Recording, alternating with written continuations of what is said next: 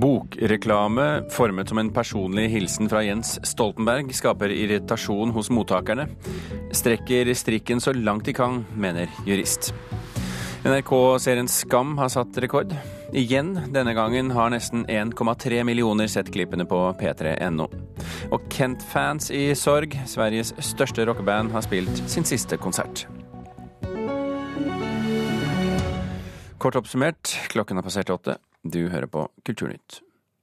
En eh, e-post som utgir seg for å være et personlig brev fra Jens Stoltenberg, har skapt irritasjon hos folk i et par uker nå. Brevet kommer fra bokhandlerkjeden Ark, og er reklame for Jens Stoltenbergs biografi Min historie. Rektor ved Høgskolen Kristiania, Trond Blindheim, tror Ark prøver å lure ham. Det er ikke et brev fra Jens Stoltenberg til Trond Blindheim. Han har ikke tenkt et sekund på meg når jeg fikk dette brevet. E-posten som bokhandlekjeden Ark har sendt ut til sine kunder, og som bærer Jens Stoltenbergs underskrift, åpner slik. Kjære Trond. I år har jeg gjort meg ferdig med noe jeg aldri har gjort før. Jeg har skrevet bok. Det er en selvbiografi der jeg med egne ord forteller om mitt liv. Brevet seiler under, under, falsk flagg. Det er selvfølgelig ikke Jens Stoltenberg som har skrevet det brevet, det er forlaget som har sendt det ut, som eh, ønsker om at vi skal kjøpe boken hans. I e-posten kan du også se og høre Stoltenbergs private bokbad med Anne Grosvold i Brussel. Denne boka, er ja. den sannheten om det?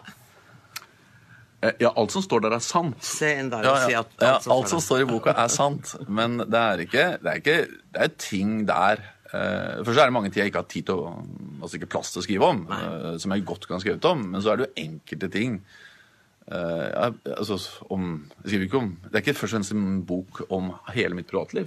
Det er noe med at det er en statsminister som står som avsender, og ikke hvem som helst heller. Det er Jens Stoltenberg, som er den mest profilerte sosialdemokrat i Norge siden Gro Harlem Brundtland og, og Gerhardsen. ikke sant? Kjære Kjell Ove. I år har jeg gjort meg ferdig med noe jeg aldri har gjort før. Kjell Ove, som også har fått brevet, heter Ernes til etternavn. Han er høyskolelektor og jurist, og mener at ARK har utnyttet et smutthull i markedsføringsloven. Bokhandlerkjeden kan sende e-post til folk de har et kundeforhold til. Ja, jeg vil si at det ligger i grenseland, og at man tøyer eh, strikken her så langt som man absolutt kan. Kjartan Dennett er markeds- og netthandeldirektør i ARK.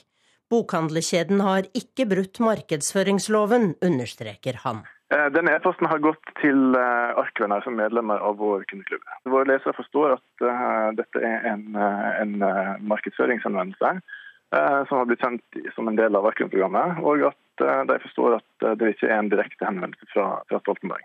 Problemet for Trond Blindheim og Kjell Ove Ernes er at de ikke husker at de er blitt arkvenner. Jeg kan ikke huske at de har gitt arktillatelse. Riktignok handler en masse bøker rett opp i gatene i en ARK-bokhandel, men jeg kan ikke huske at jeg har gitt de tillatelse til å sende masse reklame til meg.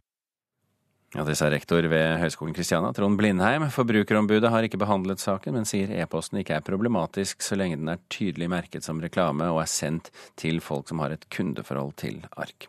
Reportere her, det var eh, Tone Staude og Åsa Vartdal.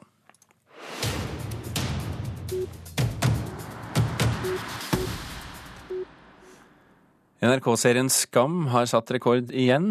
De siste tallene vi har fått viser at nesten 1,3 millioner brukere har sett klippene på p3.no. Samtidig er de 20 mest sette programmene i NRKs nettspiller Skam-episoder. Og nå som sesong tre er ferdig, er fansen klare for neste sesong. Hvem eh, håper du blir eh, hovedpersonen i sesong fire? Sana. Sana. Def definitely Sana. Er hun der Emma. Jeg tror kanskje Sana. Eskil. Madi.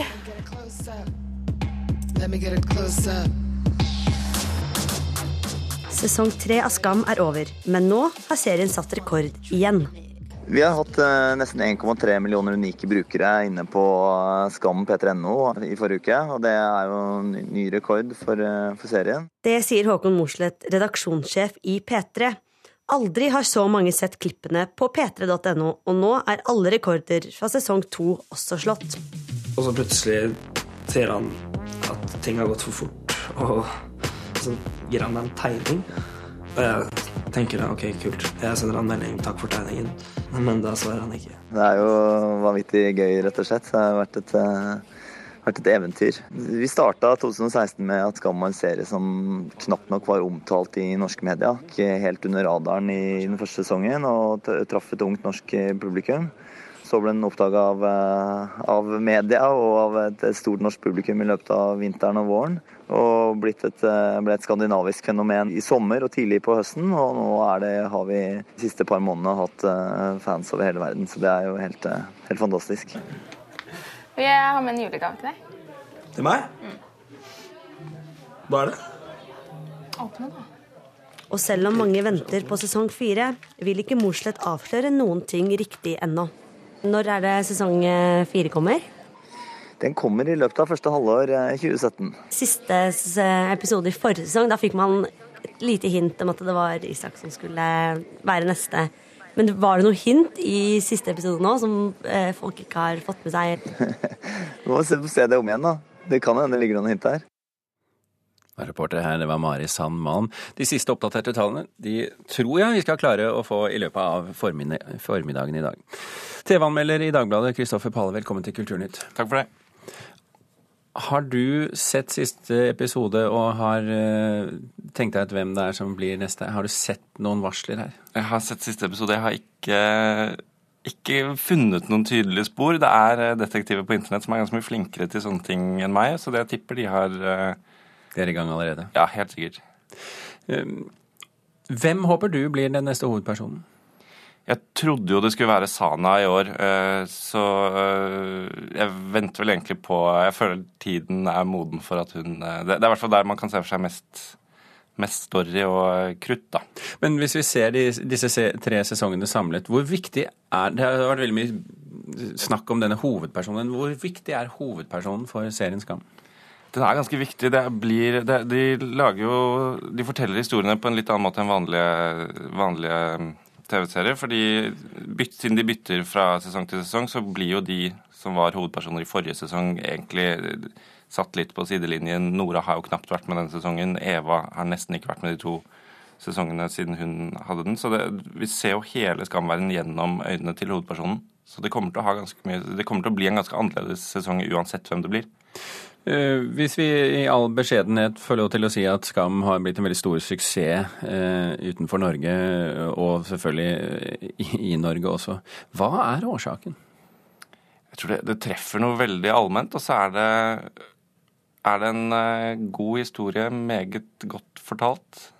Det er vel den korte forklaringen. Så er det ganske mange andre ting man kan si. Ja. Hvis vi ser på siste sesongen, Kristoffer Palle, hva syns du om den? Jeg syns det har vært den beste hittil. Det er eh, Jeg bare bøyer meg i støvet over hvor bra den er. Det, de har jo, den skal aldri ha vært beskyldt for å ikke ha selvtillit, den serien her, men det har eh, den har en, eh, et mot og eh, klarer å, å følge opp ambisjonene sine. Mm. Og, og det blir bare bedre og bedre. Hva er de svake punktene?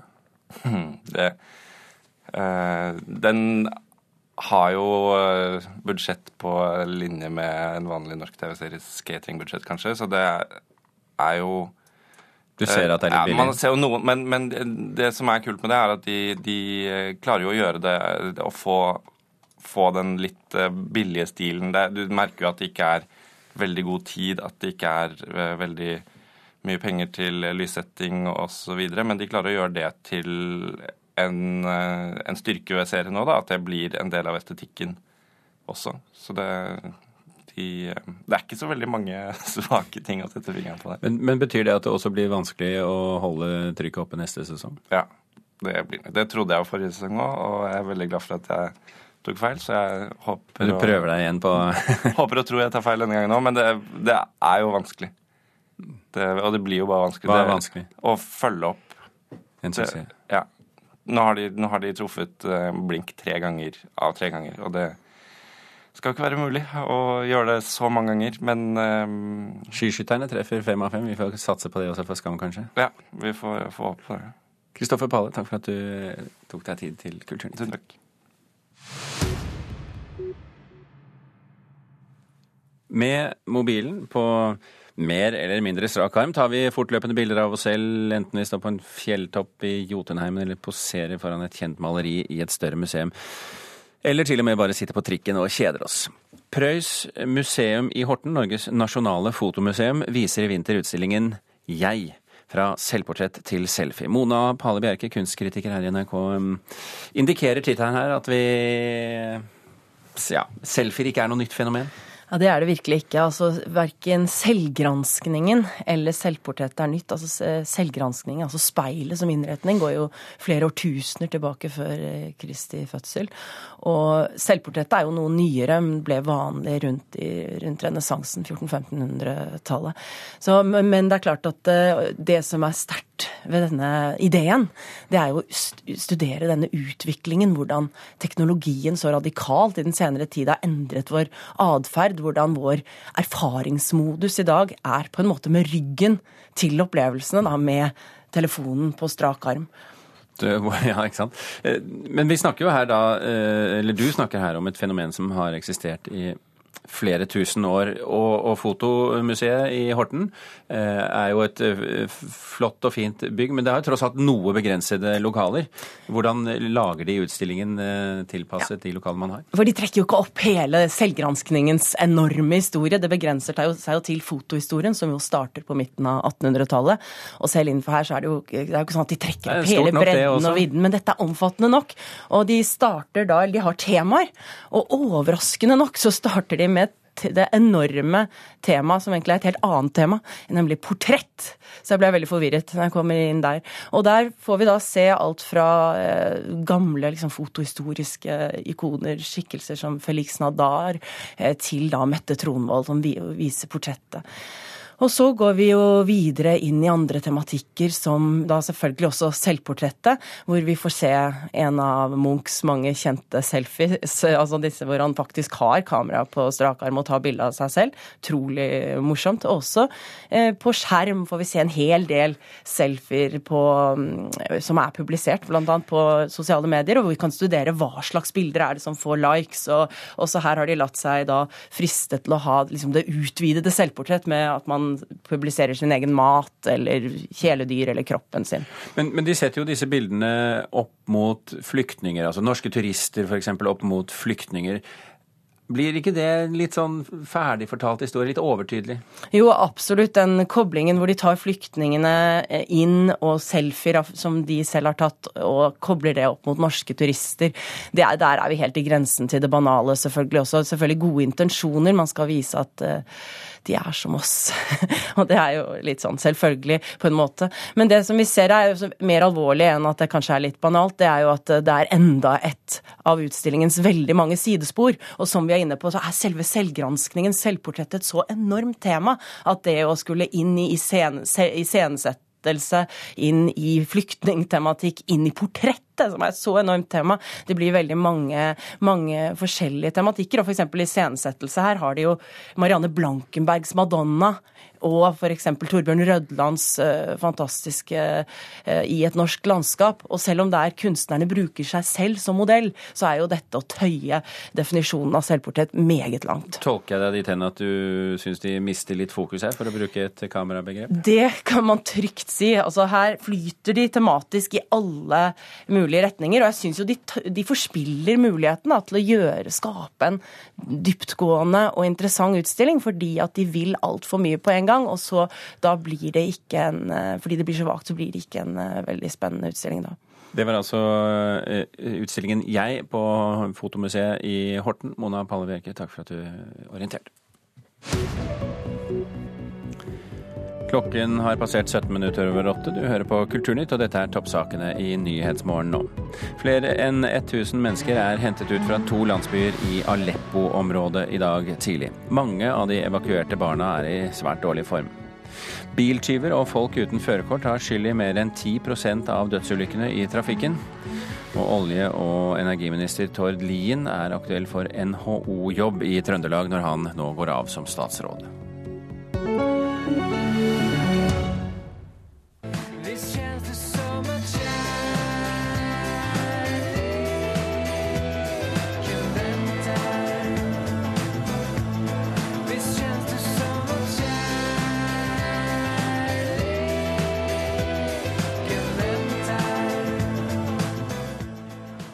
Dette er kjente toner fra det som regnes som Sveriges største rockeband, Kent. De spilte sin siste konsert nå i helgen, en av flere, og i løpet av helgen tok hele 114 400 publikummere farvel med bandet fra Eskilstuna, som har betydd så mye for så mange svenske fans.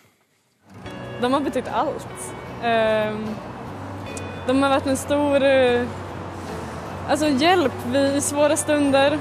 Den store kjærligheten, bruker vi kalle dem. Den evige kjærligheten. Den evige kjærligheten. Jag, eh, jag hittade Kent precis när jeg jag typ skulle skapa min egen identitet i början av tonåren. Så de har liksom blitt en del av meg i og med det. Det er jo ikke bare spelningen liksom som er grejen, det, det er liksom det her sosiale også. Altså man har jo fått så mange nye venner gjennom det her. Det blir en sånn gemenskap, det er helt fantastisk. Vi skulle gjøre det her hundra ganger om liksom. Ja, du hørte Kent-fans fra Tele2 Arena i Stockholm til våre kolleger i eh, Sveriges Televisjon. Musikksjef i NRK P3 Mats Borch Bugge, velkommen til Kulturnytt. Takk for det. De har altså spilt i over 20 år. Nå er det slutt, i hvert fall så vidt vi vet, og ut fra hva de sier. Hvordan vil du beskrive Kents posisjon i Sverige? Nei, Det er jo et av de største bandene, som du sa. Og de debuterte jo på en måte på midten av 90-tallet. Eh, da rocken sto utrolig sterkt, eh, ikke bare i Sverige, men i, i, vestlig verden generelt. Så det var på en måte et sug etter type sånne autentiske, ekte rockeband, som Kent jo på en måte kunne huke av eh, for å være på alle mulige måter, med inderlige tekster.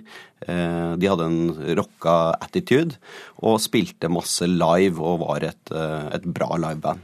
Men det er jo mange bra liveband, og det er jo mange band med attitude. Likevel er det sånn at utenfor konsertarenaen så er det laget et lite sånn minnested med hvitt kors og, og, og 3000 digitale lys i deres ære. Hva er det som gjør hva er det med dette bandet som gjør at de vekker så sterke følelser? Ja, det er nok eh, utvilsomt eh, tekstuniverset til Joakim Berg, vokalist og, og um, låtskriver. Eh, han skriver i veldig stor grad om Døden, om kjærligheten, om de store tingene, sånne universelle ting som vi kan, alle kan kjenne oss uh, igjen i og uh, være opptatt av. Og så er det da en uh, krets som har fulgt bandet på en måte fra dag én, eller hoppa på under studietiden osv. Det har vært et band som har definert mange identiteter, mm. tror jeg.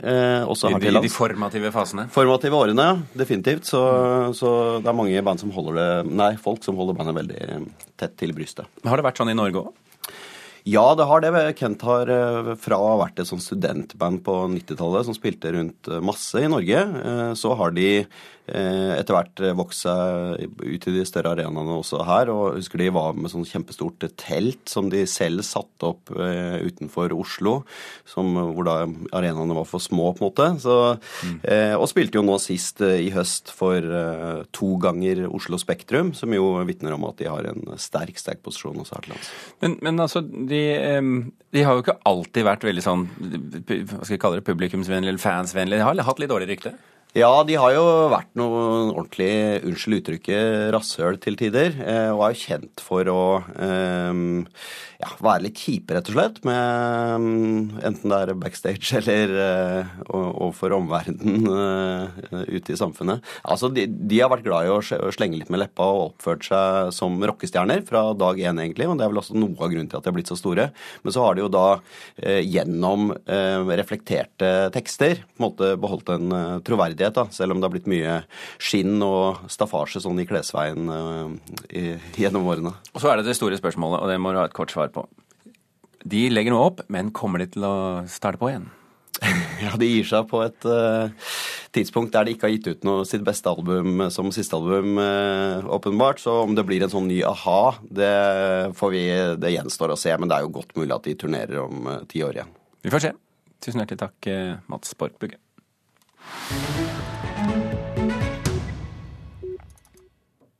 Det er mandag 19. desember nå. Vi nærmer oss eh, slutten av eh, året. Og det betyr at vi her i Kulturnytt starter opp eh, oppsummeringen av kulturåret på de forskjellige felt. Og vi begynner i dag med TV-serieåret. Something is coming. Something hungry for blood. What is it? The Demogorgon! We're deep shit! now we have to go. Later. See you tomorrow. Sigurd Vik fra Filmpolitiet på P3. Dette er lyd fra TV-serien Stranger Things. Hvorfor har du denne på topp eh, fem-lista di? Jeg syns rett og slett det her var årets mest gledelige serieoverraskelse, og den serien jeg kosa meg mest med i eh, 2016. Den kom på en, eh, en tid i sommer hvor det var veldig trist på kino. Det var en skikkelig sånn slapp blockbuster-summer. Vi savna litt den der 'hvor er magien?' Og så kom denne serien som kanaliserte mye av det 80-talls-blockbusterne gjorde, med Steven Spielberg og, og Stephen King sine mysterier, den her barnlige fortellergleden. Samtidig som det var et mysterie vi ble fenga i. Det var en estetikk som var nydelig, musikken var god, fontene har jo blitt en egen snakkis, og så lå det et underliggende drama som man kunne velge å tolke litt i, i forhold til barn og dødelighet og sykdom, hvis man ville, men man kunne også tolke den på face value, eller overflateverdien, hvor den også var en meget god serie. Så, så det var ikke topp fem, altså. Det var topp én? Det var topp én. Hva, eh, hva, For meg. Ja. Hva preget TV-seriene i året som gikk, da, eh, sett under ett? Vanskelig å komme unna denne 80-tallsnostalgien. Eh, Stranger Things tok jo virkelig tak i den og sendte oss tilbake i kjellerstua og den her, eh, ja, ET eh, og, og de her filmene. Og så var det jo også en, en spionserie som het The Americans, som har rulla godt, som finnes på TV6 og på Netflix her i Norge, som er en kald krig-spionserie om en familie av to sovjetiske agenter som har bosatt seg i USA, i Washingtons forstad, og lever det amerikanske familielivet, men rapporterer tilbake til Moskva. Så der hadde man jo 80-tallet og kald krig. Og så har jo også Halt and Catch Fire, en serie om databransjens ville ungdomsår, eh, også gått inn i sin tredje sesong, så det har vært en del 80-tallsnostalgi.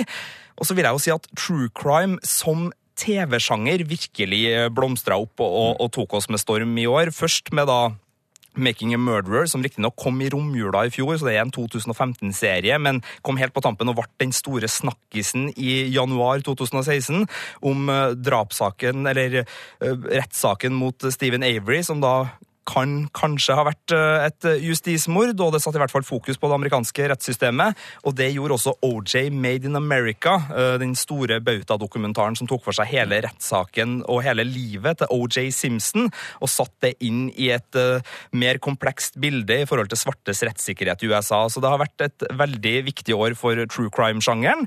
Og så er det også sånn at den der dramedien på halvtimen virkelig har blitt plassen hvor det skjer spennende ting, spesielt i USA. Tidligere har det vært de der 45 minutters lange dramaseriene som har vært sånn her Å, det er der det virkelig gode TV-en kommer fra. Men nå kommer det fra det der tradisjonelle komiformatet med serier som Transparent, Better Things, uh, High Maintenance, som gikk fra å være en webserie som nå har blitt en halvtimeserie, og ikke minst Atlanta, som kanskje var den beste komiserien i år. Dette er, filmer, dette er serier som blander drama og komedie og blander stilsjangre og bryter med forventninger på en måte som gjør at man får litt sånn her åh, artig at det skjer spennende ting på TV-serien, og ikke bare de sluttpoengene som jeg vet at kommer, som man kanskje har blitt litt for godt vant med.